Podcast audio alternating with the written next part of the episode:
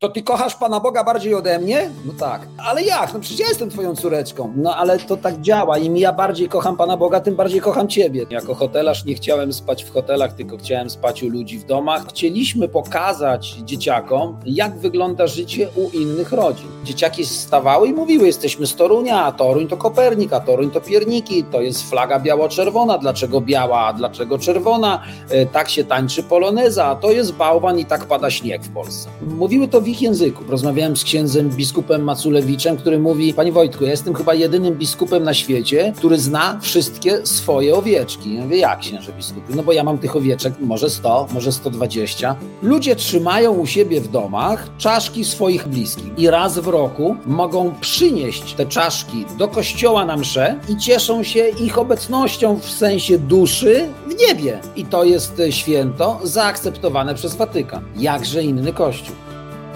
Rozmowy siewcy. Wychowanie, wiara, edukacja, rodzina. Zaprasza Jarosław Kumor. A w rozmowie siewcy witamy i gościmy Wojciecha Łopacińskiego. Witam, witam Podru serdecznie. Podróżnik, Fundacja Łopacińskich Świat, hotelarz również. No, y, powiem Wam, kochani, że ja tak przygotowując się też do, do tej rozmowy, to byłem zafascynowany mm, ogromem podróży, miejsc, doświadczeń, które rodzina Łopacińskich, którą tutaj pan Wojciech reprezentuje, y, który, których doświadczała. No i właśnie, to jeżeli my w ogóle tak sobie y, zlustrujemy, prawda, państwa Łopacińskich, facebookowy profil Łopacińskich Świat, czy stronę internetową właśnie o tym też adresie, to mm, możemy sobie zadać jako taka normalna, zwykła rodzina, która gdzieś tam wozi codziennie dzieci do przedszkola, do szkoły, wraca z pracy i spędza czas w domu. Po co w ogóle coś takiego? Bo wy przez rok cały byliście y, swego czasu w podróży dookoła świata. No i właśnie, no to, to, to jest takie pytanie, które się od razu wtedy nasuwa. Po co? Witam jeszcze raz. Cieszę się i dziękuję bardzo za zaproszenie do siewcy. Spróbujmy coś posiać w sercach młodych tak ludzi, ale też i rodziców, bo przecież mm, rozmowa o podróżowaniu, o wychowaniu, o podróżowaniu wspólnym z dziećmi y, to nie tylko, mm, to nie tylko rozmowa z młodymi ludźmi, tylko przede wszystkim z ich przewodnikami, czyli z rodzicami. No to ja e, uprzedzam od razu, że rzeczywiście głównie rodzice nas będą pewnie słuchać, także to mamy to na uwadze. Więc tak, z jednej strony można powiedzieć, że trochę się zagubiłem w poznawaniu świata i w tych wyjazdach i, i poznawaniu e, różnych nowych krajów, bo faktycznie e, obecnie licznik stanął na 97 odwiedzonych krajach, więc zaledwie brakuje trzech, żeby dobić do setki, a przecież druga setka też już na świecie czeka, może kilka jest zamkniętych i faktycznie niebezpiecznych. E, ale na pewno kilkadziesiąt będzie można jeszcze oglądać, jak, e, jak, jak, jak, jak, zwo, jak zdrowie pozwoli. Ale tak naprawdę nie, nie, nie, chyba nie, nie w zagubieniu tutaj jest klucz, tylko mm, jeszcze celem wyjaśnienia, ta wyprawa roczna już nabiła na liczniku ponad 40 krajów, więc gdyby tej wyprawy nie było, to, to myślę, że to byłaby taka ilość, która, która byłaby przeciętną dla, dla rodziny podróżującej, takiej aktywnie faktycznie y, kilka razy w roku gdzieś wyjeżdżającej, nawet na jakieś city breaki, na jakieś krótkie wyjazdy, to myślę, że te 30 krajów, 20 to większość, większość aktywnych, młodych rodziców jest w stanie y, y, odszukać w swoich mm, zdjęciach z wyjazdu. Ale tak naprawdę wyjaśnieniem jest chęć bycia razem, bo Gdybyśmy się cofnęli do roku 2005, 2010, 2012, kiedy byliśmy, przepraszam, teraz też jesteśmy zwykłą polską rodziną, ale wtedy jeszcze bardziej zwyklejszą, to, to ja pracowałem. Na przykład ostatnie moje miejsce pracy to 10 lat w jednym e, hotelu. Żona 8 lat w urzędzie marszałkowskim, na tym samym pewnie krześle, bo nie sądzę, żeby tam inwestowali w zmianę siedzenia. Dzieciaki w szkole podstawowej. Wojtek był wtedy u Salezjanów w toruńskiej szkole salezjańskiej.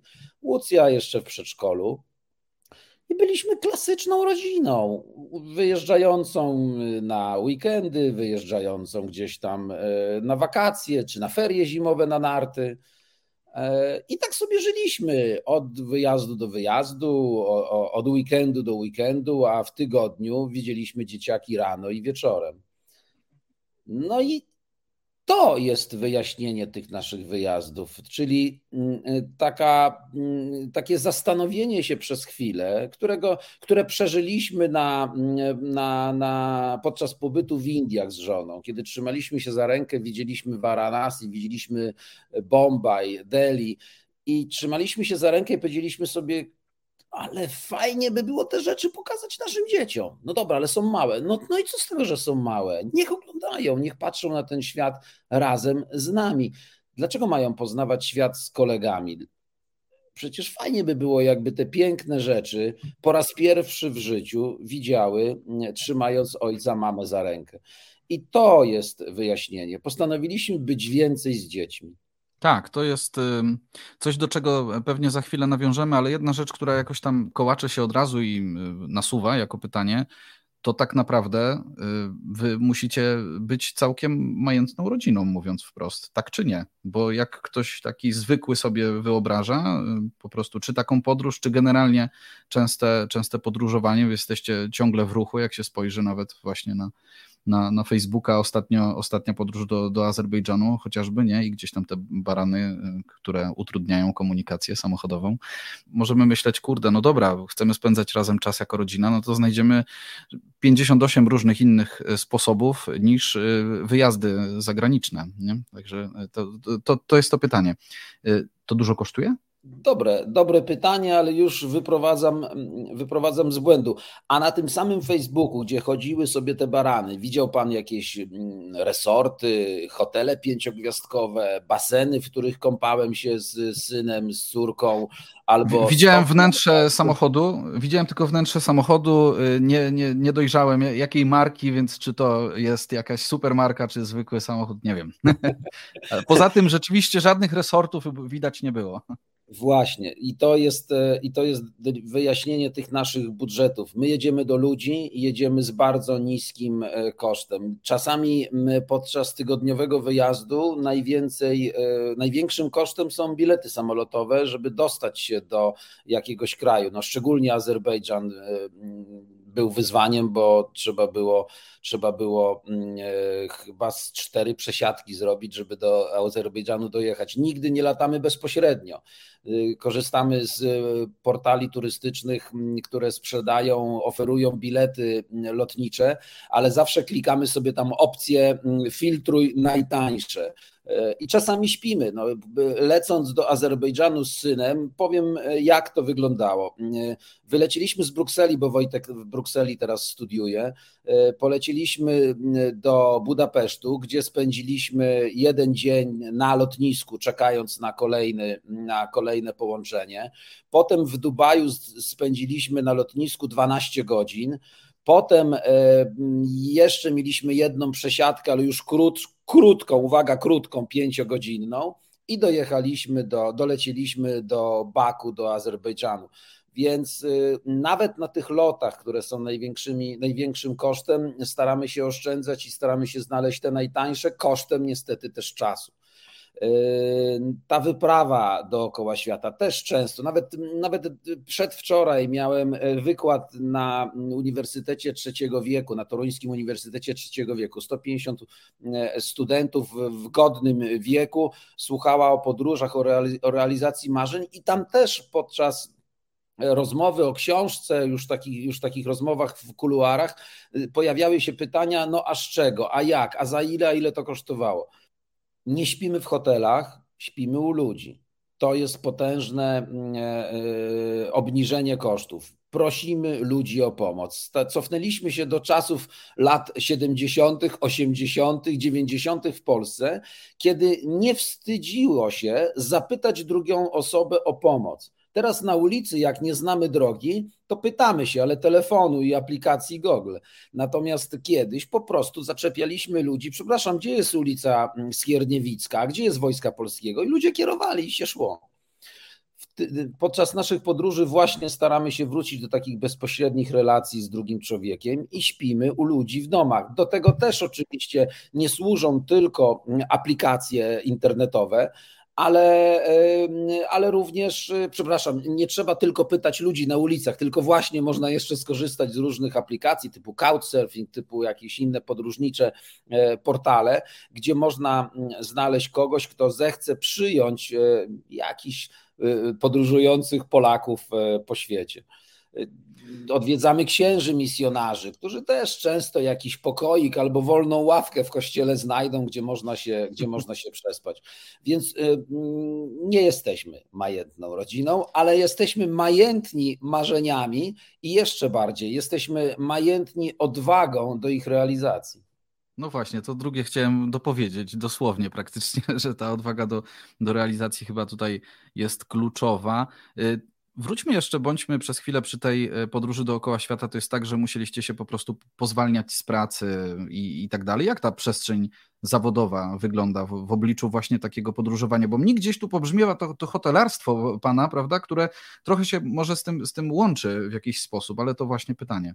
Miałem taki pomysł, bo zgłosiłem się do dwóch firm ogólnoświatowych firm mm, sieci hotelarskich i, chcia, i pytałem ich, czy nie chcieliby mm, zatrudnić takiego gościa, który będzie im e, tajemniczego klienta odgrywał na różnych kontynentach w różnych państwach świata. Niestety, niestety nie udało się dogadać.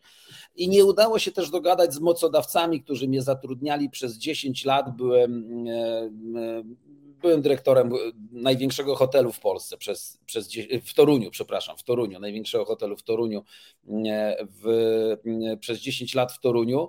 E, otrzymałem na informację, którą mm, złożyłem im, że planuję, że mam takie marzenia, że będę je realizował o wyjeździe dookoła świata, który będzie trwał rok czasu z żoną i z dwójką dzieci. E, mm, e, poprosiłem ich dokładnie 13 miesięcy przed wyjazdem, tak żeby poukładać wszystkie, wszystkie klocki. Poprosiłem o urlop bezpłatny roczny e, z pewnym już planem, tak? Napisałem plan, jak można ten, te 12 miesięcy mojej nieobecności e, zagospodarować, kto zajmie pewne pozycje, pewne ruchy zaproponowałem. Nie zostało to zaakceptowane. Właściciele e, obiektu powiedzieli, że nie mogę jechać. No to już mnie zupełnie rozsierdziło, jak mi ktoś mówi, że nie mogę mogę jechać. Więc poinformowałem ich, że zgodnie z, z ustawą trzy miesiące przed zwolnieniem złożę wypowiedzenie i tak się stało. Straciłem tą pracę. Straciłem pracę, już do tego obiektu nie wróciłem. Natomiast żona była w urzędzie marszałkowskim i y, miała więcej szczęścia. Otrzymała roczny urlop bezpłatny, zaraz po y, upływie 12 miesięcy wróciła do pracy. I tu taka drobna dygresja, wytrzymała w niej trzy miesiące. No tak, ale to też kwestia tego, że y, rozumiem, no dzisiaj macie fundację po prostu i, i, i, y, to jest taka działalność też wasza, wasza bieżąca, tak? Pewne promowanie mm, stylu życia, takiego podróżniczego, tak to możemy nazwać?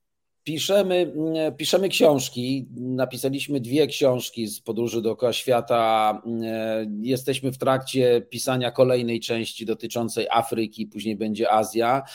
Jeździmy z prezentacjami po Polsce, motywujemy ludzi. Byliśmy organizatorami kilku festiwali podróżniczych, ponad 10. Zrobiliśmy Family Travel Festival w Szczecinie, kilka edycji. Extreme Travel Festival w Toruniu, chyba 7 edycji i w Bytowie trzy festiwale podróżnicze. Jesteśmy otwarci na, na różnego rodzaju prezentacje, degustacje różnych potraw. Ja z tej branży hotelarskiej wyniosłem też pasję do gotowania, więc, więc robimy też czasami prezentacje kulinarne z gastronomią dotykającą e, różnych dziwnych orientalnych smaków staramy się mm, żyć po swojemu, czyli nie na etacie, tylko po, po powrocie z tej wyprawy spojrzeliśmy troszkę szerzej na, na, na, na, na świat i na relacje w rodzinie, ale też i na relacje zawodowe. Y, mówił Pan o tym, że chcieli, chcieliście po prostu być razem. To był was, Wasz sposób na bycie razem, wybranie takiego stylu życia y, podróżniczego.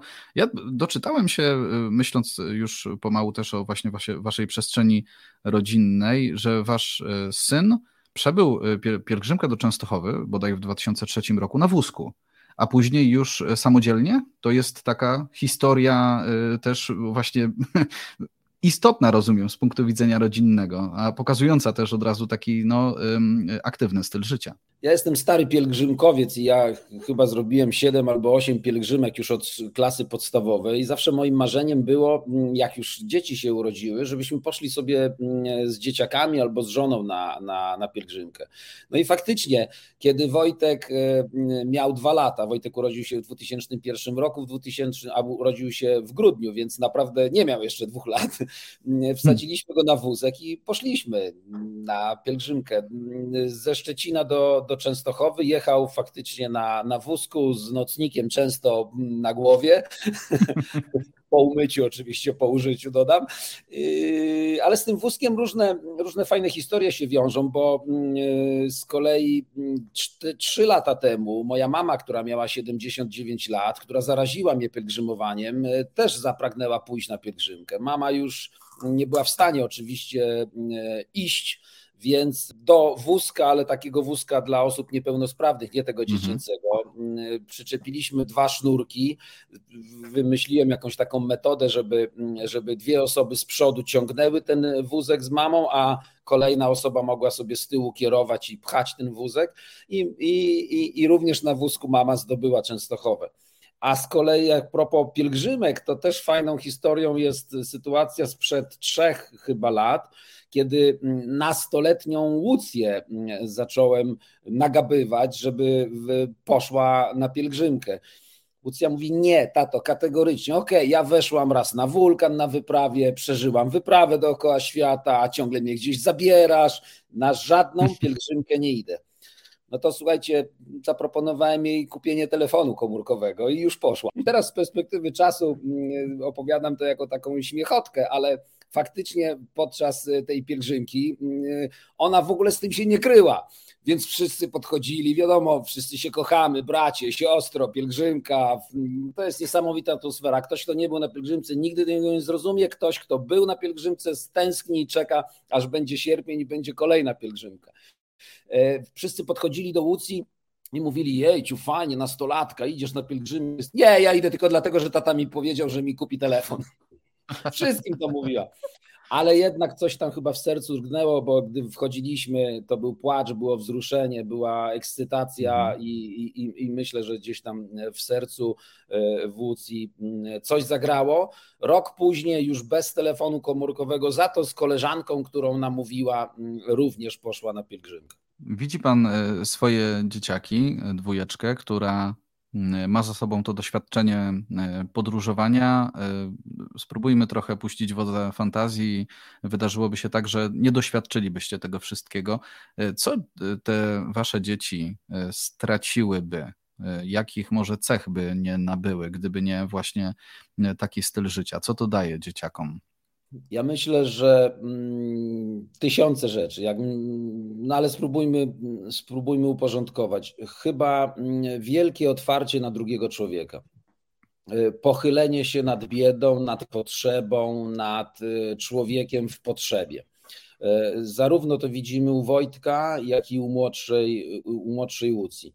Y, wszędzie tam, gdzie jest ktoś, kto mm, e, ma jakiś problem, to Łucja i Wojtek są pierwsi, żeby ten problem rozwiązać. Są pierwsi, żeby podnieść rękę gdzieś tam na lekcji czy na jakimś innym spotkaniu i, i, i, i walczyć o to, żeby tej drugiej osobie w czymś pomóc, jeżeli w sercu jedno i drugie uzna, że jest to dobre.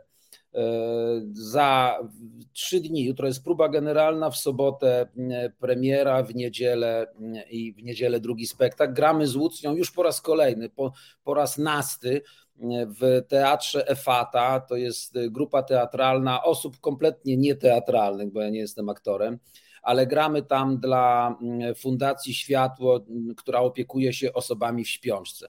Do tego nie trzeba było nigdy mm, ani Wojtka, ani Łucji namawiać. Wojtek z tego względu, że studiuje za granicą, nie, nie uczestniczy w tych spektaklach teraz, a, a, ale Łucja ma jedną z, z głównych ról i naprawdę, mimo że jest w klasie maturalnej, i dużo teraz korepetycji, matematyka, polski, wraca nieraz o 20 z kursu języka angielskiego, wraca mm, bardzo późno do domu, znalazła czas i, i, i chęć do tego, żeby zagrać, żeby wspomóc tą fundację w jakichś funduszach, które pozyska z, ze sprzedaży biletów z tego, z tego teatru. Co jeszcze? Bardzo duża odwaga I Wojtek, i Ucja e, nie boją się e, stanąć przed gremium 300, 500, 700 nieraz osób, bo i takie prezentacje czasami przeprowadzamy sami jako rodzice, ale też czasami jako rodzice, czasami jako rodzina i, i opowiadać. I to opowiadać głęboko o swoich emocjach. Oni nie mówią o tym, wszedłem na wulkan, oni mówią, jak to przeżywają. Oni, mówi, oni mówią, e, że się popłakali na tym wulkanie. Oni mówią, że, że mieli problem i, i, i, i poszli do przodu. Yy, chyba też jeszcze zrozumienie świata proszę zobaczyć, mm, też nawiązuję do tego pana ciekawego pytania o budżet. My nie byliśmy w Stanach Zjednoczonych, w Kanadzie, w Australii, w Japonii, w Nowej Zelandii. E, wymieniłem te kraje przypadkowo. To są drogie kraje. To są kraje, które niewiele różnią się od Polski. My byliśmy w Zimbabwe, w, e, no, w, w, w Burundi, na przykład z afrykańskich krajów, w Rwandzie, w Ugandzie. E, nie byliśmy w pięknej Kenii, nie byliśmy na Madagaskarze. My byliśmy e, w Mozambiku, my byliśmy w Zimbabwe, my byliśmy w Afryce, przepraszam, w, w Azji, w, w, e, na przykład w Laosie, który jest, nie, nie, nie jest tak turystyczny jak na przykład Tajlandia. Więc mm, dzieci doświadczyły biedy. Gdy wjechaliśmy na przykład do Kalkuty, e, zobaczyliśmy ulice z bezdomnymi, zobaczyliśmy rodziny śpiące na chodnikach to można było bardzo łatwo zrozumieć, dlaczego matka e, Teresa wybrała ten, to właśnie miasto na swoją działalność. E, myślę, że dzieci, patrząc na taką prawdę o życiu, posiadają teraz zrozumienie świata. Zrozumienie świata, czyli to, do czego też człowiek jest zdolny, kiedy zacznie myśleć tylko o sobie bo teraz pana pewnie zaskoczę, ale mimo, że Łucja miała 10 lat, a Wojtek 13, weszliśmy z nimi mm, w Rwandzie do muzeum e, pomordowanych w tej masakrze Tutsi i Hutu. To jest muzeum, a tak naprawdę nazywa się muzeum, a to jest po prostu budynek szkolny, e, e, gdzie na ławkach położone są zastygłe ciała posypane wapnem które mm, ludzi, którzy stracili życie w tej masakrze i stracili życie wskutek mm, zadania mm, e, ciosu bezpośredniego, nie żadnym strzałem, nie z odległości, tylko najczęściej to były noże, e, jakieś miecze, jakieś tasaki. Czyli te ciała czasami nie miały rąk, nóg, albo innych części y, y, były rozczłonkowane. Oni to widzieli. Oczywiście my dzieci bardzo długo do tego przygotowywaliśmy, bardzo długo o tym rozmawialiśmy e, i też z szacunkiem zapytaliśmy, czy chcecie tam wejść z nami. E, na przykład w, w Kambodży byliśmy w Muzeum y, y, Czerwonych Kmerów, czyli kolejnego ludobójstwa. Widzieliśmy drzewo, na którym żołnierze roztrzaskiwali nowotki i malutkie dzieciaczki y, o konary tego drzewa. Chodzi, dlaczego o tym opowiadam? Dlatego, że dzieci zrozumiały prawdę o świecie. Nie, nie, nie chcieliśmy im pokazywać o pustyni, wieloryba i lwa, tylko, tylko chcieliśmy im pokazać to dobro, ale też i tą stronę złą, tą, mm, tą straszną stronę, którą przecież e, e, czyni człowiek. Nasuwa mi się w tym wszystkim, jakby w całym tym obrazku, bo hmm, to jest pokazanie też pewnej brutalności świata, ale w tym wszystkim jakoś z kolei nasuwa mi się to, że odwiedzaliście też misjonarzy w tych różnych krajach, czyli ta podróż była jakimś elementem, rozumiem, też przekazu wiary wobec dzieci, czy generalnie jakimś doświadczeniem e, ewangelizacyjnym, które wy odbieraliście jako, jako rodzina. To jest tak, że mm, w tym wątku takiej, takiej brutalności był, była pewna taka e, przeciwwaga, żeby pokazać też w tym wszystkim, że no, świat i Kościół jest mocno niejednorodny i Kościół obecny w tych różnych krajach jest mocno niejednorodny. Ci, ci misjonarze są trochę takim punktem odniesienia wobec, wobec takich brutalnych e, gdzieś tam wątków e, w, w, tej, w tej podróży? Skąd ci misjonarze się tam wzięli? Zdecydowanie tak. Ta podróż zaczęła się w Częstochowie, e, mszą wspólną przed, przed obrazem z prośbą o wstawiennictwo i o pomoc i o przewodnictwo przecież w tak niebezpiecznej wyprawie i skończyła się E, też w Częstochowie z e, podziękowaniem. I w ogóle czasami się śmiejemy, że e, rok czasu nikt nas nie zaatakował, nikt nie wyciął mi palca i nie wysłał do Polski, żeby załatwić sobie jakiś okup. Nikt nie zaatakował naszych dzieci i nie porwał naszej pięknej blondyny, dziesięcioletniej córy, która która z nami jechała, więc jechaliśmy naprawdę dobrze ubezpieczeni, ale ubezpieczeni nie w biurze podróży, w zakładzie ubezpieczeń, tylko ubezpieczeni właśnie w Częstochowie. E, tak, teraz odnoszę się do, do Pana wątku związanego z misjonarzami. E, odwiedziny u misjonarzy były moim absolutnym priorytetem. Ja zawsze już od dzieciństwa podziwiałem misjonarzy. To są ludzie, którzy nie tylko poświęcili życie Panu Bogu, bo nie założą rodziny, nie, nie mają czasu na relacje często z przyjaciółmi, z kolegami z klasy, nie, nie tworzą jakichś kręgów, bo przecież często zmieniają miejsce księży. Ale pośród księży jeszcze jest ta specyficzna grupa misjonarzy, która już absolutnie zaprzecza takim, e, powiem odważnie, takim podstawowym potrzebom e, społecznym ludzi, tak? Bo zostawiają wszystko, zostawiają swój kraj i wyjeżdżają. Poznaliśmy Pawła Kociołka w Bangladeszu, w, w, który nas przyjął na Wielkanoc. Bardzo mi zależało, żeby dzieci Boże Narodzenie i Wielkanoc w miarę chrześcijańsko i w miarę rodzinnie spędzili. Bardzo się ucieszyłem, kiedy, kiedy mogłem tą Wielkanoc spędzić u polskiego misjonarza. Poznałem księdza, księdza Pawła i, i mówię mu, kiedy byłeś w, w, Polsce? No, my możemy jeździć co trzy lata, ale wiesz co, ja w tym roku zrezygnowałem, bo no nie mogłem wydać tysiąc y, dolarów na bilet do Polski, a poznałem taką rodzinę, rodzinę, której mm, spalił się dom i nie mają gdzie mieszkać. I on zamiast pojechać do Polski po trzech latach, y, te pieniądze, które sobie zaoszczędził, które miał przeznaczone na, na wyjazd, żeby spotkać się ze swoimi rodzicami, dał tej rodzinie, żeby oni mieli gdzie mieszkać.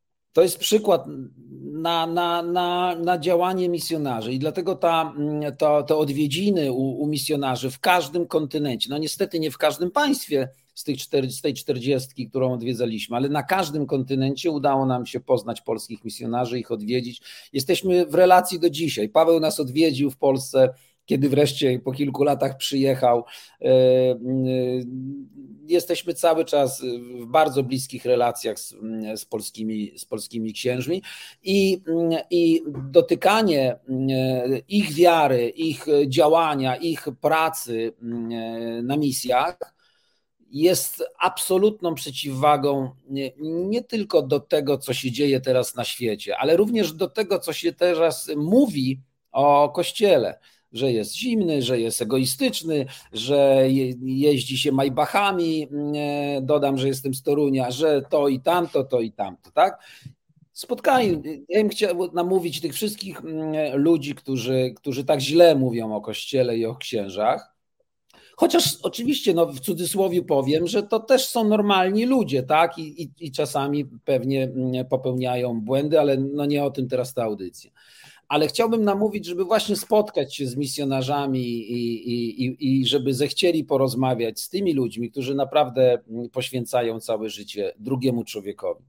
Misjonarze, oni się kojarzą w ogóle tak stereotypowo, mogą, mogą się kojarzyć, jeżeli ktoś nie, nie zna w ogóle takiego wątku misjonarskiego w kościele, jako ci, którzy idą i jadą y, po prostu mówić o E, Panu Bogu do, do jakichś, jakichś ludów, jakichś tubylców, gdzieś tam, nie? Natomiast to, to właśnie często się sprowadza do takiej zwykłej, e, prostej pomocy w codzienności, nie? I, e, i w, te, i w ten sposób właściwie, nie? To, to, tak, tak, to jest to bycie z drugim człowiekiem. No i właśnie, i przeczytałem na, na waszej stronie internetowej, że to był właściwie cel tego wyjazdu otwartość na drugiego człowieka, szacunek do, do drugiego człowieka, żeby te, tego e, doświadczać. To gdzie, w których rejonach świata jakby naj, najbardziej jakoś do, doświadczyliście i takiej otwartości ze strony tych ludzi, których spotykaliście, czy misjonarzy e, i, i też sami po prostu się, się otwieraliście i tego się uczyliście od nich?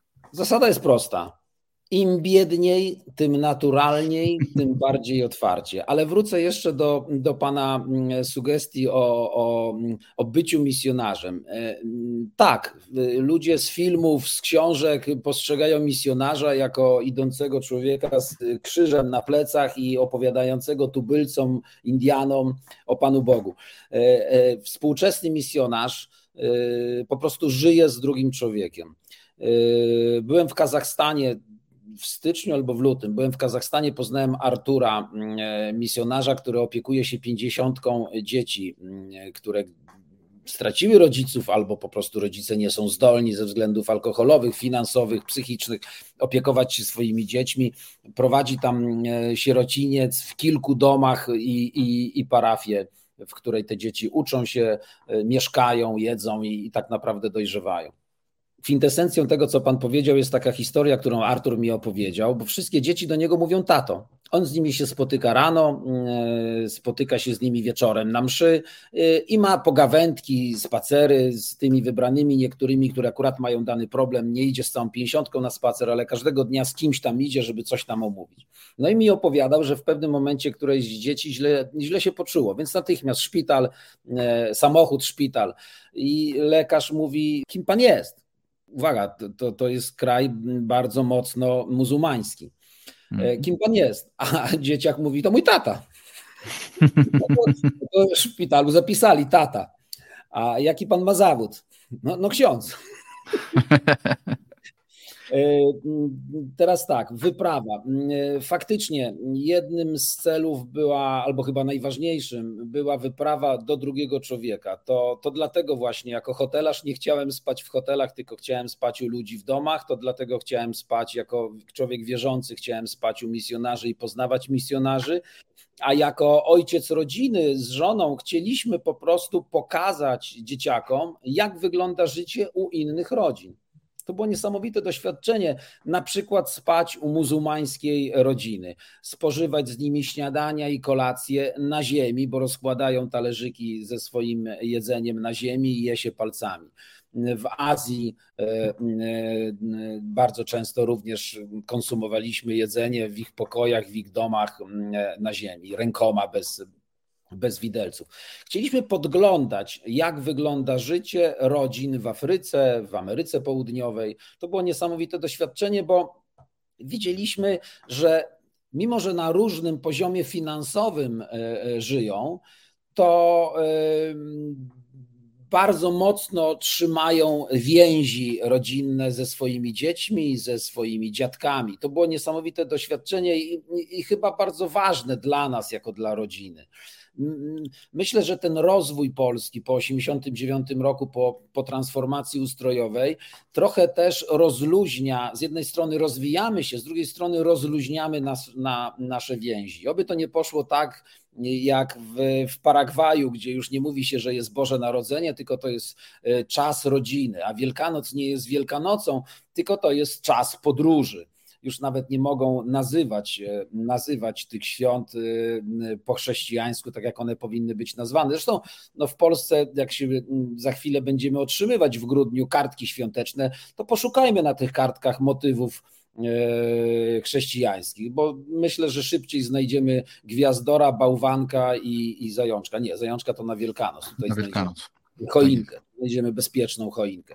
Ale tak naprawdę prawdziwego motywu 24 grudnia na kartkach już w Polsce nie znajdziemy. Być może idziemy w kierunku Paragwaju. E, także to bycie z drugim człowiekiem dla nas było, było bardzo ważne. Bardzo myślę, taki mm, głęboki był ten wątek, który Pan poruszył, y, kiedy Wasze dzieci uczestniczą w Waszych prelekcjach i nie, nie, nie, nie chwalą się tym, że weszły na wulkan, tylko mówią o emocjach, które im towarzyszyły, na przykład przy wchodzeniu na ten wulkan.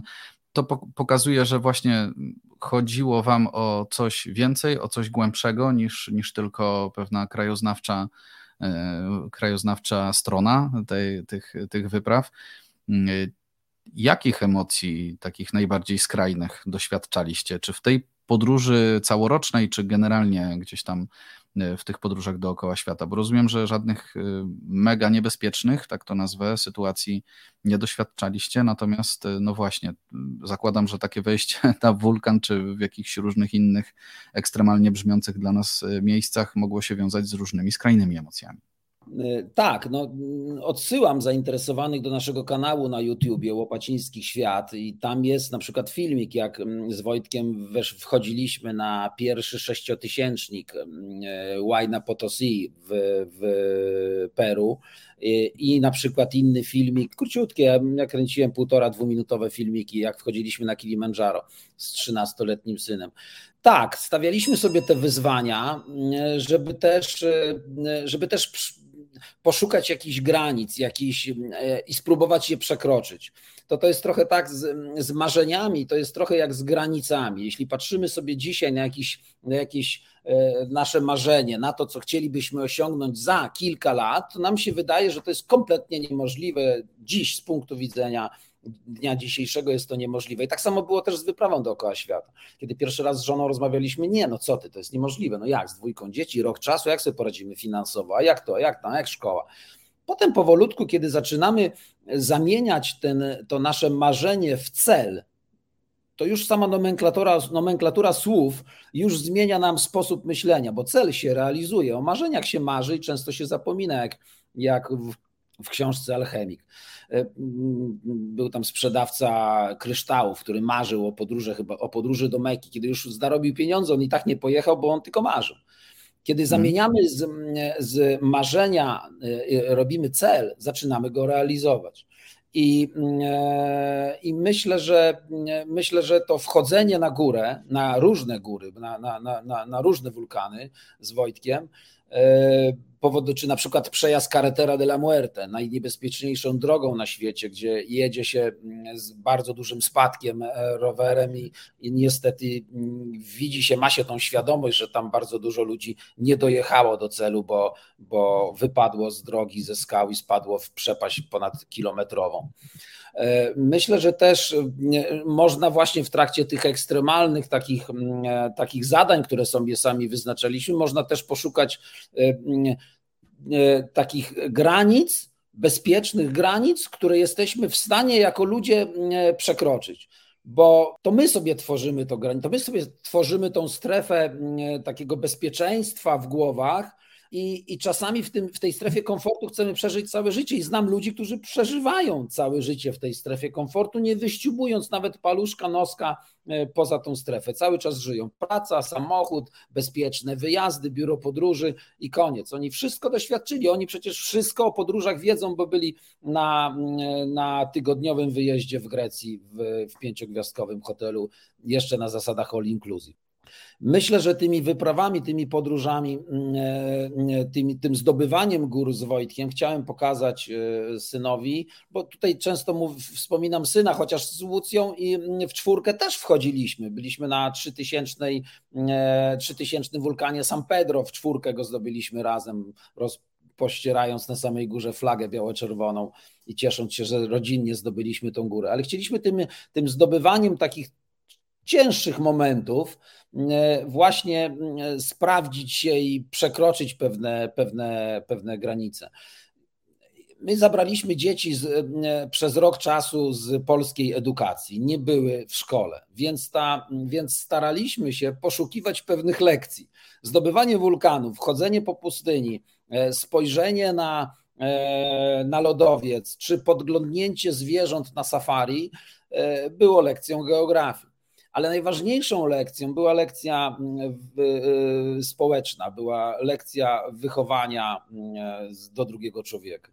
Tym poszukiwaniem granic i takim odważnym podchodzeniem do życia nadal, y, nadal żyjemy, nadal się cieszymy. Tutaj za moją, o, tą stroną muszę pokazać, nie tą, tą, tą. O, to jest numer mojego biegu, e, który w sobotę mm, półmaratońskiego zrobiłem, drugiego w życiu. I, i, I na przykład odważnie zapisałem się na marzec na maraton. Będę, mm -hmm. będę biegł 17 marca, pierwszy raz w życiu maraton w Rzymie.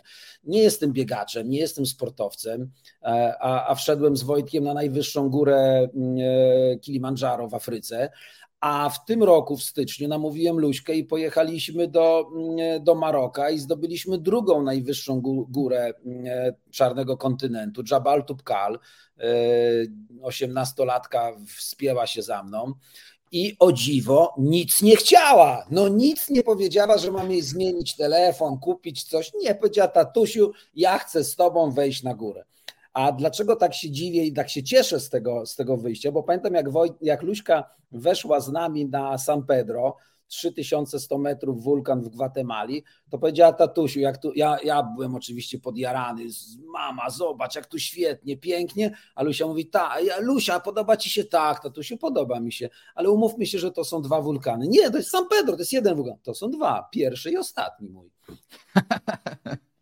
ale potem rozumiem, przekonała się w, drugą stronę. To ja rozumiem, trochę to zabrzmi jak taka publicystyczna, fajna fraza. Nie wiem, czy fajna, ale tak sądzę. Jak wygląda ojcostwo poza granicami? Bo to jest takie właśnie ojcostwo na zasadzie ciągłego mm, przekraczania granic. Nie? My, ja myślę, że doświadczeniem wielu ojców jest to, że my bardziej walczymy na co dzień o to, żeby, nie wiem, dzieci za dużo bajek nie oglądały, jak mamy małe, albo próbujemy je w ogóle zrozumieć, kiedy są nastolatkami. W sensie takim, że jakoś tam próbujemy wejść w ten ich świat i, i łapa, łapać ten kontakt i myślimy sobie, że w ogóle gdzieś tam ktoś nam dziecko podmienił, kiedy ono staje się nastolatkiem. A tutaj mamy ojcostwo gdzieś y, właśnie poza granicami. To chyba jest taki, takie słowo klucz, bo wy ciągle przekraczacie granice. Czy to jest klucz do tego, że też y, y, pana relacja ojcowska z, z pana dziećmi wygląda dobrze? No właśnie, to swoją drogą, ona brzmi dobrze, ale czy wygląda dobrze? Nie mi odpowiadać na to pytanie, trzeba by dzieciaków zapytać. Ja marzę o tym, żeby one powiedziały panu tak, że, że, że tata jest e, najlepszym ojcem na świecie, chociaż dostałem taką koszulkę w zeszłym roku na Dzień Taty, najlepszy tata na świecie. Ja postrzegam ojcostwo jako przewodnictwo i myślę, że te wyprawy i wspólne zdobywanie właśnie wulkanów czy jakichś cięższych e, wyzwań fizycznych, choćby jak pielgrzymka, czy właśnie jak wejście na jakąś górę, jest e, kwintesencją bycia ojcem. E, ja pochodzę z, z, rodziny, gdzie te relacje z tatą, no, e, wiele bym powiedział, żeby, wiele bym chciał, żeby je zmienić i w dzieciństwie, ale nawet i teraz w życiu dorosłym, ale to były też takie czasy. Myślę, że nasi rodzice, doświadczeni II wojną światową, bo ja mam, ja mam przecież rodziców z rocznika 40-41, więc środek II wojny światowej, kto ich miał nauczyć bycia ojcem, i bycia dobrym, e, dobrym partnerem dla swoich dzieci. No przecież nie socjalizm, w którym przeżyli, można powiedzieć, 95% swojego życia. Ja patrząc na, na chociaż z mamą bardzo fajną relację zbudowałem i, i, i myślę, że myślę, że tutaj bardzo dużo zawdzięczam e, mojej matce, która, która mi pokazała, jak, jak, jak się otworzyć i, i na drugą osobę, i na, i na własną rodzinę. Ale myślę, że mm, moim idealnym jakby mm, postrzeganiem ojcostwa jest bycie mm, przewodnikiem, bycie przyjacielem. Nie e, stawianie granic, to jest bardzo ważne w rodzicielstwie bo mm, e, kot, pies, a szczególnie dziecko bez granic, bez określonych jasno granic nie umie się zachować. Tak? Jeśli kotu nie, nie powiemy, że nie może leżeć na, na wersalce, to po prostu to będzie dla niego jakaś gałąź i trochę wygodniejsza niż na drzewie będzie leżał na tej wersalce. Pan patrzy na swojego, a mój tu Dokładnie. Kuje koło mnie, koło nóg. Dokładnie. I to jeszcze w takiej dziwnej pozycji jakiejś leży na tej wersalce za mną. Powiedziałem tak. o kotach, no on też troszeczkę rozumie. Możliwe. Ale mm, szczególnie te granice są ważne, mm, ten obowiązek rodzica, szczególnie jest w wyznaczaniu granic, szczególnie jest ważny w przypadku wychowania swoich dzieci. I niestety widzę nieraz w sklepach czy, czy, czy, czy, czy, czy w kontaktach z, z młodymi rodzicami, że kompletnie nie rozumieją tego że mm, postrzegają tak modne teraz y, wychowanie bezstresowe, postrzegają jako wychowanie bez granic. Bzdura, sami sobie robią kłopot. Sami sobie robią kłopot.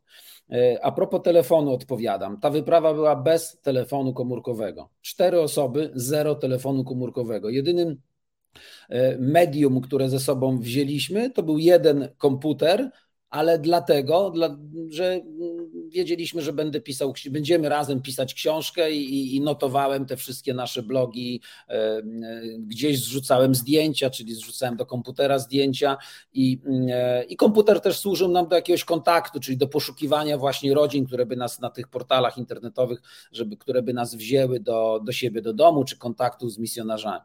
Natomiast, e, natomiast telefonu komórkowego nie wzięliśmy nawet pół, nawet baterii żadnej nie wzięliśmy, żeby, żeby mm, oszczędzić sobie, mm, e, oszczędzić sobie to, to, mm, to mówienie Wojtek wyłącz komputer, oglądaj wulkan. Łucja wyłącz telefon, e, spójrz, to jest e, lodowiec. Nie daliście, nie daliście im wyjścia po prostu. Ale też ten wątek, ten wątek zabrania dzieci ze szkoły siłą rzeczy po prostu prze, przez rok były w jakiejś formule, rozumiem, pewnej edukacji domowej, tak, tak chyba można to nazwać. Natomiast to mi się też kojarzy y, z akcją, którą, projektem, który przeprowadzaliście y, w, też w tym czasie te, tej wyprawy. Y, czy wszystkie dzieci chodzą do szkoły? Było coś takiego, prawda? Rozumiem, pytanie trochę z tezą, nie w każdym kraju dzieci chodzą do szkoły. Jak te doświadczenia może najbardziej właśnie takie, nie wiem, ekstremalne i niecodzienne w tej sferze edukacyjnej, jak, jak wyglądały? Gdzie widzieliście może, nie wiem, najbardziej odstający system edukacji od tego naszego? No, na, na, najbardziej ekstremalne szkoły dotknęliśmy w Afryce, gdzie, gdzie faktycznie te pomoce naukowe czasami, i to też odsyłam do niesamowitego filmu Szkoła w slumsach Lusaki e, na YouTubie, e, gdzie pomoce naukowe to czasami była kartka A4 jeszcze obgryziona naokoło z, na, z, z napisem, e, z narysowanym, jakimś słowem angielskim, bo to, była, bo to była klasa angielskiego. Oczywiście bez drzwi i bez okien ławkami były jakieś kawałki drewna i konarów, na których te dzieciaki sobie siedziały, żeby podłączyć, a bo podróżowaliśmy jeszcze z rzutnikiem, ponieważ jechaliśmy z tym właśnie projektem, e, czy wszystkie dzieci chodzą do szkoły, mieliśmy i laptop, i malutki rzutnik, zasponsorowała nam firma, producent e, rzutników i, i, i z tym rzutnikiem pojechaliśmy, żeby podłączyć rzutnik i laptop w tej, w tej klasie, musieliśmy ciągnąć przedłużacz do gabinetu dyrektora, E, do innego zupełnie budynku, bo w tej klasie nie było nawet kontaktu ani prądu. Więc te najbardziej ekstremalne to, to, to zdecydowanie to, to były szkoły afrykańskie. Dlaczego ten projekt y, o dzieciakach chodzących do szkoły? Dlatego, że właśnie wiedzieliśmy, że dzieci nie pójdą do szkoły przez rok czasu. My staliśmy się ich nauczycielami, staliśmy się w formule e, nauczania domowego e, nauczycielami. E, szkoła nam poszła na rękę, bo tak naprawdę zgodnie z tą formułą dzieci powinny być przedstawione do egzaminu dwukrotnie, po pierwszym semestrze i na koniec roku. Nam odpuścili w związku z, z roczną wyprawą i dzieci e, przyszły na egzamin dopiero po, rok, czas, po roku na ten egzamin kończący. E, I pomyśleliśmy sobie, że fajnie by było, żeby dzieciaki też miały jakieś zadanie.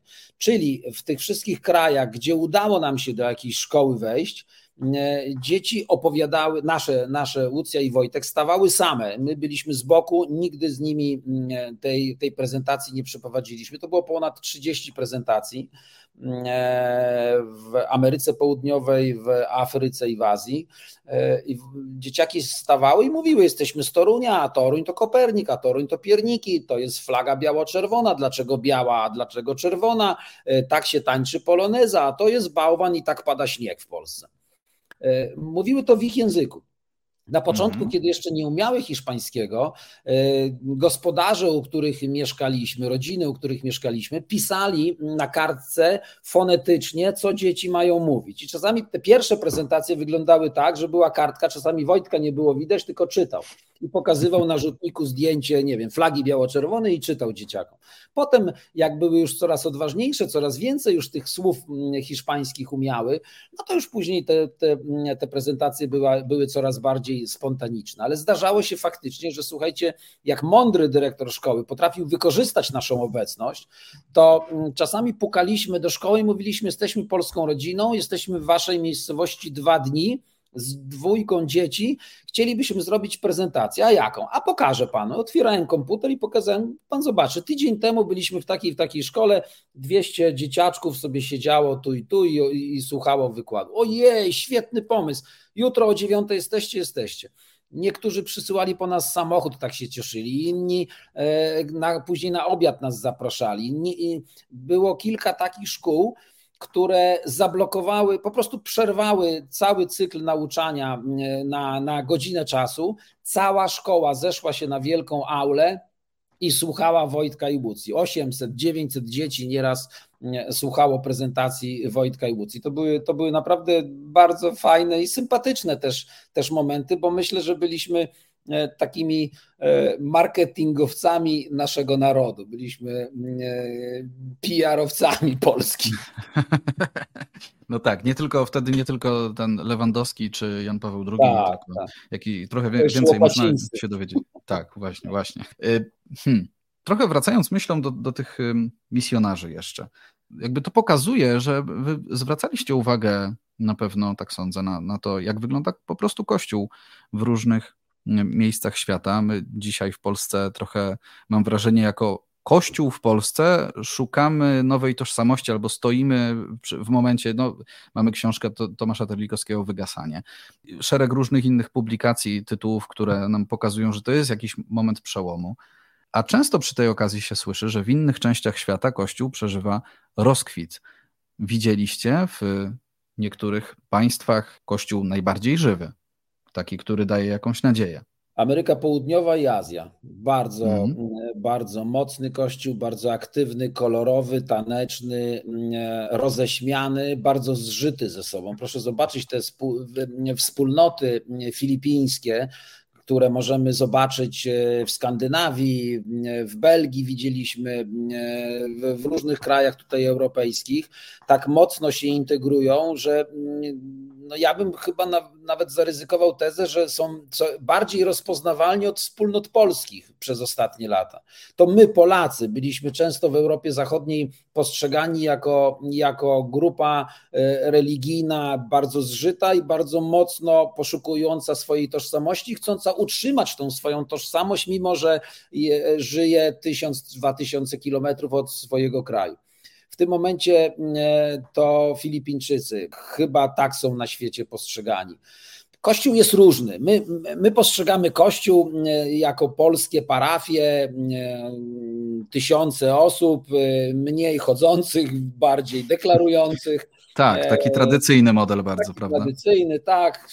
Boże Narodzenie, nawet jak przez cały rok w niedzielę nie jestem w kościele, to z, z opłatkiem pobiegam wokół stołu i, to, i, i myślę, że jestem chrześcijaninem. E, kościół jest różny. Na przykład e, teraz e, kilka mm, wypraw zrobiłem do krajów Azji Centralnej, Azerbejdżan, Kirgistan, Kazachstan, Uzbekistan. Tam tam w krajach, gdzie ponad 96-97% jest obywateli wyznających religię muzułmańską, parafie są bardzo malutkie. Spałem u księży misjonarzy, którzy mówią, że mają w parafii 7 osób że e, jest inna parafia, gdzie jest 15 osób. Rozmawiałem z księdzem biskupem Maculewiczem, który mówi: Panie Wojtku, ja jestem chyba jedynym biskupem na świecie, który zna wszystkie swoje owieczki. Ja mówię, jak księże biskupy? No bo ja mam tych owieczek może 100, może 120, kilka różnych parafii a on do wszędzie jeździ, jest bardzo, jest bardzo aktywnym, jest bardzo aktywnym biskupem, ma też swoje własne, znaczy swoje własne, ma też parafie, w których on e, e, odprawia msze niedzielne, musi dużo kilometrów robić, żeby te, żeby te niedzielne msze zrobić, ale mówi, ja znam moje owce. No to to jest przykład na zupełnie inny kościół w, w, w krajach Azji Centralnej. E, z kolei Ameryka Południowa, jakże inny kościół od Europy. Proszę zobaczyć, y, y, w drugą niedzielę po y, listopada, po, czyli pierwsza niedziela po święcie Wszystkich Świętych, odbywa się w La Paz w Boliwii święto czaszki. Ludzie trzymają u siebie w domach czaszki swoich atentatów, swoich bliskich, babcia, siostra, przyjaciel, tata, czaszki, prawdziwe czaszki. Odsyłam do filmu Święto Czaszki, też na tym naszym kanale Łopacińskich Świat i raz w roku mogą przynieść te czaszki do kościoła na msze, na, w kaplicy mm, cmentarza centralnego e, w La Paz w, Boliwii, w stolicy Boliwii I, I przepraszam, to nie jest stolica, to jest stolica biznesowa, największe miasto. A, okej, okay, okej. Okay. My postrzegamy La Paz jako stolicę, ale to nie jest stolica taka, mm, taka polityczna. E, mm, a ja z rozpędu często ten błąd popełniam. Przynoszą na, na cmentarz i cieszą się ich obecnością w sensie duszy w niebie. I to jest, i to jest święto zaakceptowane przez Watykan jakże inny kościół. Tam często ta wiara mm, e, krajów Ameryki Południowej chrześcijańska jest wymieszana z, z, z jakimiś wierzeniami. Pamiętamy tą aferę z Rzymu sprzed kilku lat, o Paciamanka. Nie było nic w tym złego. Oni, oni wyrośli w, w takim kulcie dla Matki Ziemi czy to musi stać w sprzeczności z Panem Bogiem? Przecież Pan Bóg stworzył e, ziemię, no to, no, no, no, no to cieszmy się, my mówimy natura, a oni mówią paciamanka, tak? Mhm. E, Afryka z kolei, jakże inny również kościół od chrześcijaństwa europejskiego. Bardzo kolorowy, taneczny, kwiaty roześmiane, tańce, e, msza potrafi trzy godziny trwać i, i, naprawdę człowiek nie nudzi się na tej mszy. Tam jest tak kolorowo, tak śmiesznie, e, sympatycznie, że, że, że nawet nasze dzieciaki mówią, co już się skończyła? Ja mówię, ty, Wojtas, trwało dwie i pół godziny, a nawet tatusi nie zauważyłem. Ja się zastanawiam czasami, e, teraz nie chcę brać pod włos i sobie robić żartów z ludzi, którzy uczęszczają nam msze święte w rycie trydenckim, nie? ale to kompletnie inny świat w ogóle w takim razie. Nie? I ciekawy jestem, z kolei jakby nigdy nie byłem też na, na takiej mszy, ale ciekawy jestem właśnie spojrzenia ludzi, którzy są zanurzeni w tej tradycji na ten właśnie kościół tam. To, to, to może dla niektórych mam wrażenie być w ogóle takie poczucie, że oni nie są tym prawdziwym kościołem. No tak, no, no, Kościół na pewno mm, potrafi zaskoczyć. Jeśli zamykamy się tylko do postrzegania i do analizowania Kościoła w Polsce, mm, e, czy tutaj e, może nawet w Europie Zachodniej, bo coraz bliżej nam niestety do tych, e, i oby, oby nie, ale niestety coraz bliżej nam do, do tych, do, mm, do pozycji Kościoła w Polsce takiego, jaką, taką, jaką zajmuje w Europie Zachodniej, to oczywiście on będzie taki sam, będzie, że tak powiem, nudny, bo, bo znany ale naprawdę, gdy spojrzymy sobie na, na świat i na to, jak ten kościół rozwija się w różnych krajach, to, to, to naprawdę potrafimy być zaskoczeni. E, miesiąc temu byłem w Gruzji e, w Tbilisi spotkałem się z księdzem Witoldem Szulczyńskim, salezjaninem, który uczył mnie, uwaga, 32 lata temu religii. Zadzwoniłem no do niego pół roku temu i mówię, księże Witoldzie, kojarzy ksiądz takiego gościa, którego ciągle wywalał ksiądz z religii, z, z klasy, ale potem zabrał ksiądz na pielgrzymkę do Jana Pawła II. Byliśmy na niesamowitej, fajnej pielgrzymce autokarowej, a on mówi, nie, nie pamiętam, no ale jak przyjadę, to, to, to spróbuję ksiądz sobie mnie przypomnieć, no, no, no przyjeżdżaj. No i przyjechałem, spędziliśmy dwa dni razem. E, dlaczego o tym opowiadam? Raz, że to bardzo, bardzo przeżyłem, było bardzo fajnym, emocjonalnym takim spotkaniem, bo rzecz oczywiście przypomniał sobie, ja przywiozłem mu też zdjęcia, był u mnie w domu na mojej osiemnastce do pewnego momentu, bo później już dobrze, że go nie było. tak sobie wyobrażam właśnie. ale ale z, tego, z tego momentu, kiedy jeszcze był, pokazałem mu zdjęcia. Ale dlaczego o tym opowiadam w, teraz w temacie zaskoczenia kościoła? Uwaga, ksiądz Salezjanin, wiecie co zrobił? Wybudował e, e, kościół e, prawosławny na terenie Caritasu w Tbilisi. Spotkał się z Janem Pawłem II i, i, i mówi: Chciałbym tych ludzi ciągnąć do kościoła, ale oni są wszyscy prawosławni. A papież mówi: Papież powiedział takie głębokie słowa. Ja nagrałem e, tą rozmowę z księdzem Witoldem, nawet myślę, żeby gdzieś ją e, opublikować, ale e, ksiądz Witold przytoczył słowa papieża, który powiedział tak: Witold, rób wszystko, żeby w Gruzji chrześcijanie byli dobrymi chrześcijaninami, a prawosławni byli dobrymi prawosławnymi. I on idąc tą drogą, tym, tą, tą, tym myśleniem, pomyślał sobie tak, Wojtek, jeżeli ja bym zbudował mm, e, kościół chrześcijański, nikt by tam nie przychodził. W sensie katolicki, prawda? Katolicki, katolicki przepraszam, tak, właśnie, tak. bo ja oczywiście i prawosławni, tak, tak, zagalopowałem się. Jeśli ja bym zbudował mm, kościół katolicki, nikt by nie chciał tam przyjść. Jeśli zbuduję kościół prawosławny, to, e, to ci ludzie będą mieli gdzie się pomodlić. Czy to dobre, czy złe? I, mm, I są oponenci, są ludzie, którzy, którzy mają mu za złe i też staram się ich y, rozumieć. Ale zwłaszcza, że są pewne, pewne tarcia i bardzo mocne tarcia, to można odczuć w, w Izraelu, w, choćby w Bazylice Grobu Pańskiego, gdzie tam te y, y, wszyscy kochamy Pana Boga, ale walczymy o każdy metr no kwadratowy. Nie, jeżeli byliście, w, byliście w Izraelu, rozumiem też, prawda? Tak, tak, e, tak. To, to, to jest, myślę, temat na kompletnie inną rozmowę i to tak z dwa razy dłuższą pewnie, bo to, bo to jakby tak. szereg zależności, tarć i, i grup, które tam gdzieś tam współistnieją ze sobą. To jest niemożliwe jeszcze teraz, kiedy, kiedy mamy tam y, sytuację wojenną. Oj, nie, no, nie, trudne, Myśl, trudne tak, że, ale rzeczywiście ta, ta, ta, Gruzja, ta Gruzja, to o czym Pan opowiada, y, tak, można zrozumieć jedną i drugą stronę, y, czy próbować rozumieć, natomiast no, kazus niesamowity, naprawdę, jestem w szoku. Tak, tak. Że, tak. Że, że, coś takiego, tak, tak. Byłem w tym kościele, Natomiast... Hmm? pomodliłem się i dokładnie jest na terenie Caritas Gruzja. I, tak, tak. i, i funkcjonuje, i jest. I, a oprócz tego ksiądz teraz Witold buduje mm, wielki ośrodek salezjański ze szkołą, z oratorium, z pokojami gościnnymi dla dzieciaczków, które będą mogły tam mieszkać. Więc, więc to nie było jakiekolwiek wypaczenie czy, czy zaprzeczenie idei Jana Bosko z Turynu, który, który mm, pomaga dzieciakom.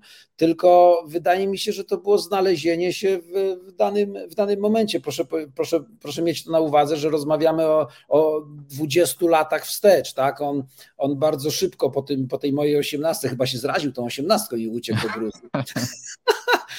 ale, ale mm, osiemnastka była, y, y, przepraszam, widziałem go 32 lata, bo jeszcze później mnie uczył przecież religii, 32 lata temu, a mm, w grudniu albo w listopadzie powiedział, że będzie świętował 30-lecie swojego pobytu e, w, Gruzji, był bardzo długo tam dyrektorem Caritasu i, i też y, pomocnikiem czy przedstawicielem papieża na, na, na Gruzję. Pracował mhm. w nuncjaturze. No, minęła nam godzinka, więc to myślę, taki słuszny, słuszny czas, żeby żeby, zmierzać do końca, ale ja bym chciał na koniec zapytać o jedną, jedną kwestię, której właściwie nie poruszaliśmy i mamy tutaj jedną wielką nieobecną naszej rozmowy, czyli pana żonę Elizę, y, która akurat, akurat teraz ni niestety się rozchorowała, więc nie mogła wziąć udziału w naszej rozmowie. Natomiast to z tej perspektywy małżeńskiej myślę też jest bardzo y, ciekawe doświadczenie. Ta, taki styl życia podróżniczy, czy ta y, podróż dookoła świata. I ja postrzegam w ogóle tak trochę podejrzewam, ale jakby z doświadczenia po prostu kontaktu z wieloma e, parami e, i rodzinami, że to właśnie wszystko opiera się na tej relacji małżeńskiej. Gdyby między wami nie było dobrej relacji małżeńskiej, to to wszystko nie byłoby po prostu możliwe. Tak ja to widzę. No i właśnie, jak to, jak to wygląda, nie? Bo taki styl życia podróżniczy nie tylko rozwija dzieci, ale zakładam, że rozwija też tę relację małżeńską. Jak to wygląda u was? W, w trosce o, o młode małżeństwo, bo my już jesteśmy takim małżeństwem z doświadczeniem ponad 20 lat, ale w trosce o młode małżeństwo mogę powiedzieć tylko jedną rzecz. Trzymajcie relacje między sobą, bo dzieci są dziś i kiedyś ich nie będzie. Może to mocno brzmi, bo ktoś, kto ma dwuletnie dziecko i, i, i cały czas y, nosi je na rękach, nie umie sobie tego wyobrazić, ale y, myślę, że kwintesencją dobrej relacji rodzicielskiej, dobrego małżeństwa jest po prostu niesamowita miłość między mężem i żoną, żoną i mężem. To jest trochę tak jak z zapinaniem pasów w samolocie. W każdym samolocie, jak wsiadamy, to e, usłyszymy tam informację: najpierw zapnij sobie pas, przepraszam, najpierw załóż sobie e, maseczkę do oddychania, e, maskę tlenową, a potem dziecku. Ktoś by pomyślał, jak to możliwe? No najpierw muszę dziecko ratować, potem siebie. Nie, żeby uratować dziecko, najpierw nałóż, nałóż sobie. E, trochę jak z miłością Pana Boga, tak? Najpierw kochaj Pana Boga, a potem e, swoją rodzinę. Bardzo często córa ze mną w podstawówce walczyła. Jak to tak? To ty, to ty, to ty kochasz Pana Boga bardziej ode mnie? No tak. No ale jak? No przecież ja jestem twoją córeczką. No ale to tak działa. Im ja bardziej kocham Pana Boga, tym bardziej kocham ciebie. To jest trudne, córeczko. Jeszcze chyba dzisiaj tego nie zrozumiesz. No, nie potrafiła tego zrozumieć.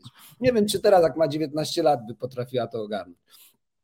Ale z tym małżeństwem jest troszeczkę tak, że z niepokojem czasami patrzymy na, na naszych młodych przyjaciół e, po ślubie, którzy naprawdę, szczególnie to do mam, chyba powinienem się zwrócić, e, które stawiają dzieci na pierwszym miejscu, stawiają dzieci ponad swojego męża. Robicie błąd bo mm, w, w, pewnym momencie wasze dzieci będą miały naście, 19, 20 lat i po prostu odejdą i zostaniecie z tym facetem do końca życia. E, budujmy tą relację mm, wspólnie, czyli kochajmy swojego współmałżonka, a, w tą, a tą połączoną miłością, z, zmultiplikowaną miłością ze swoim e, współmałżonkiem, e, obdarzajmy nasze dzieci. Tych wypraw by nie było, gdyby żona nie chciała jechać. Nasza książka, jedna i druga zresztą, nazywa się Zabrałam brata dookoła świata. Dlaczego? Przez szacunek do córki. Córka, mając 10 lat, wy, wytrzymała podróży, wytrzymała trudy podróży, e, trudy spakowania się do plecaka na cały rok, trudy noszenia tego plecaka i zmieniania noclegu praktycznie co jedną, maksimum co dwie noce. Spaliśmy u biednych ludzi, więc nie mogliśmy ich narażać na koszty, e, e, na zbyt wysokie koszty. Więc jedna, dwie noce i nawet jak było pięknie i wspaniale, wyjazd, wypad do mm. następnego miejsca. I Łucja to wytrzymała, dlatego ta nasza książka się nazywa. Ale tak naprawdę powinna się nazywać Zabrałam rodzinę dookoła świata, bo to e, moja żona nie tylko wymyśliła wyprawę dookoła świata, ale też jako pierwsza odważyła się i opuściła Europę. Ja byłem taki podróżnik europejski. Niemcy, Włochy, Szwajcaria, Szwecja do ciotki, jak byłem mały w liceum. I tu się dobrze czułem w tym moim, w tym moim europejskim e, koszyku bezpieczeństwa. Natomiast to żona pojechała pierwsza do Indii, e, potem do Tajlandii, potem zabrała mnie na jedną z tych swoich wypraw i wtedy właśnie złapaliśmy się za rękę i powiedzieliśmy sobie, dlaczego my jeździmy sami? Dlaczego my dzieciom nie pokazujemy? Dlaczego dzieci nasze nie będą wspominały, że żyrafę, lwa czy wulkan zobaczyły z tatą? Dlaczego mają to zobaczyć na zdjęciach albo z kolegą, y, studentem, z którym y, pojadą na, na safari? Nie, niech to zobaczą z rodzicami. Ale, mm, ale podstawą tych wyjazdów, i, i jestem przekonany, że podstawą każdej relacji ro, rodzinnej jest miłość ojca przepraszam, miłość męża do żony i żony do męża, bo, to, bo od tego się wszystko zaczęło. Zobaczcie, nie byłoby dzieci, gdyby nie, byłoby, gdyby nie było e, miłości między rodzicami.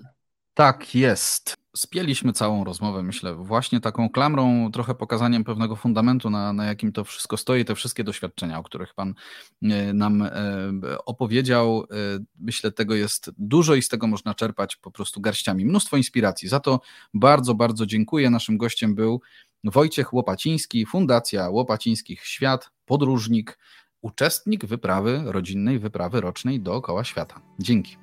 Nosiciel plecaków. Dziękuję bardzo. tak, za, tak, za, tak, zatytuł, tak zatytułujemy w opisie. Dzięki z Panem Bogiem. Pozdrawiamy. Dziękuję z Panem Bogiem. Rozmowy Siewcy i inne nasze podcasty są dostępne na naszym portalu siewca.pl, na naszym kanale na YouTube oraz w serwisach podcastowych, m.in. Spotify i Apple Podcasts. Zapraszamy Cię do subskrybowania naszych treści, by niosły się one jak najszerzej. Do usłyszenia.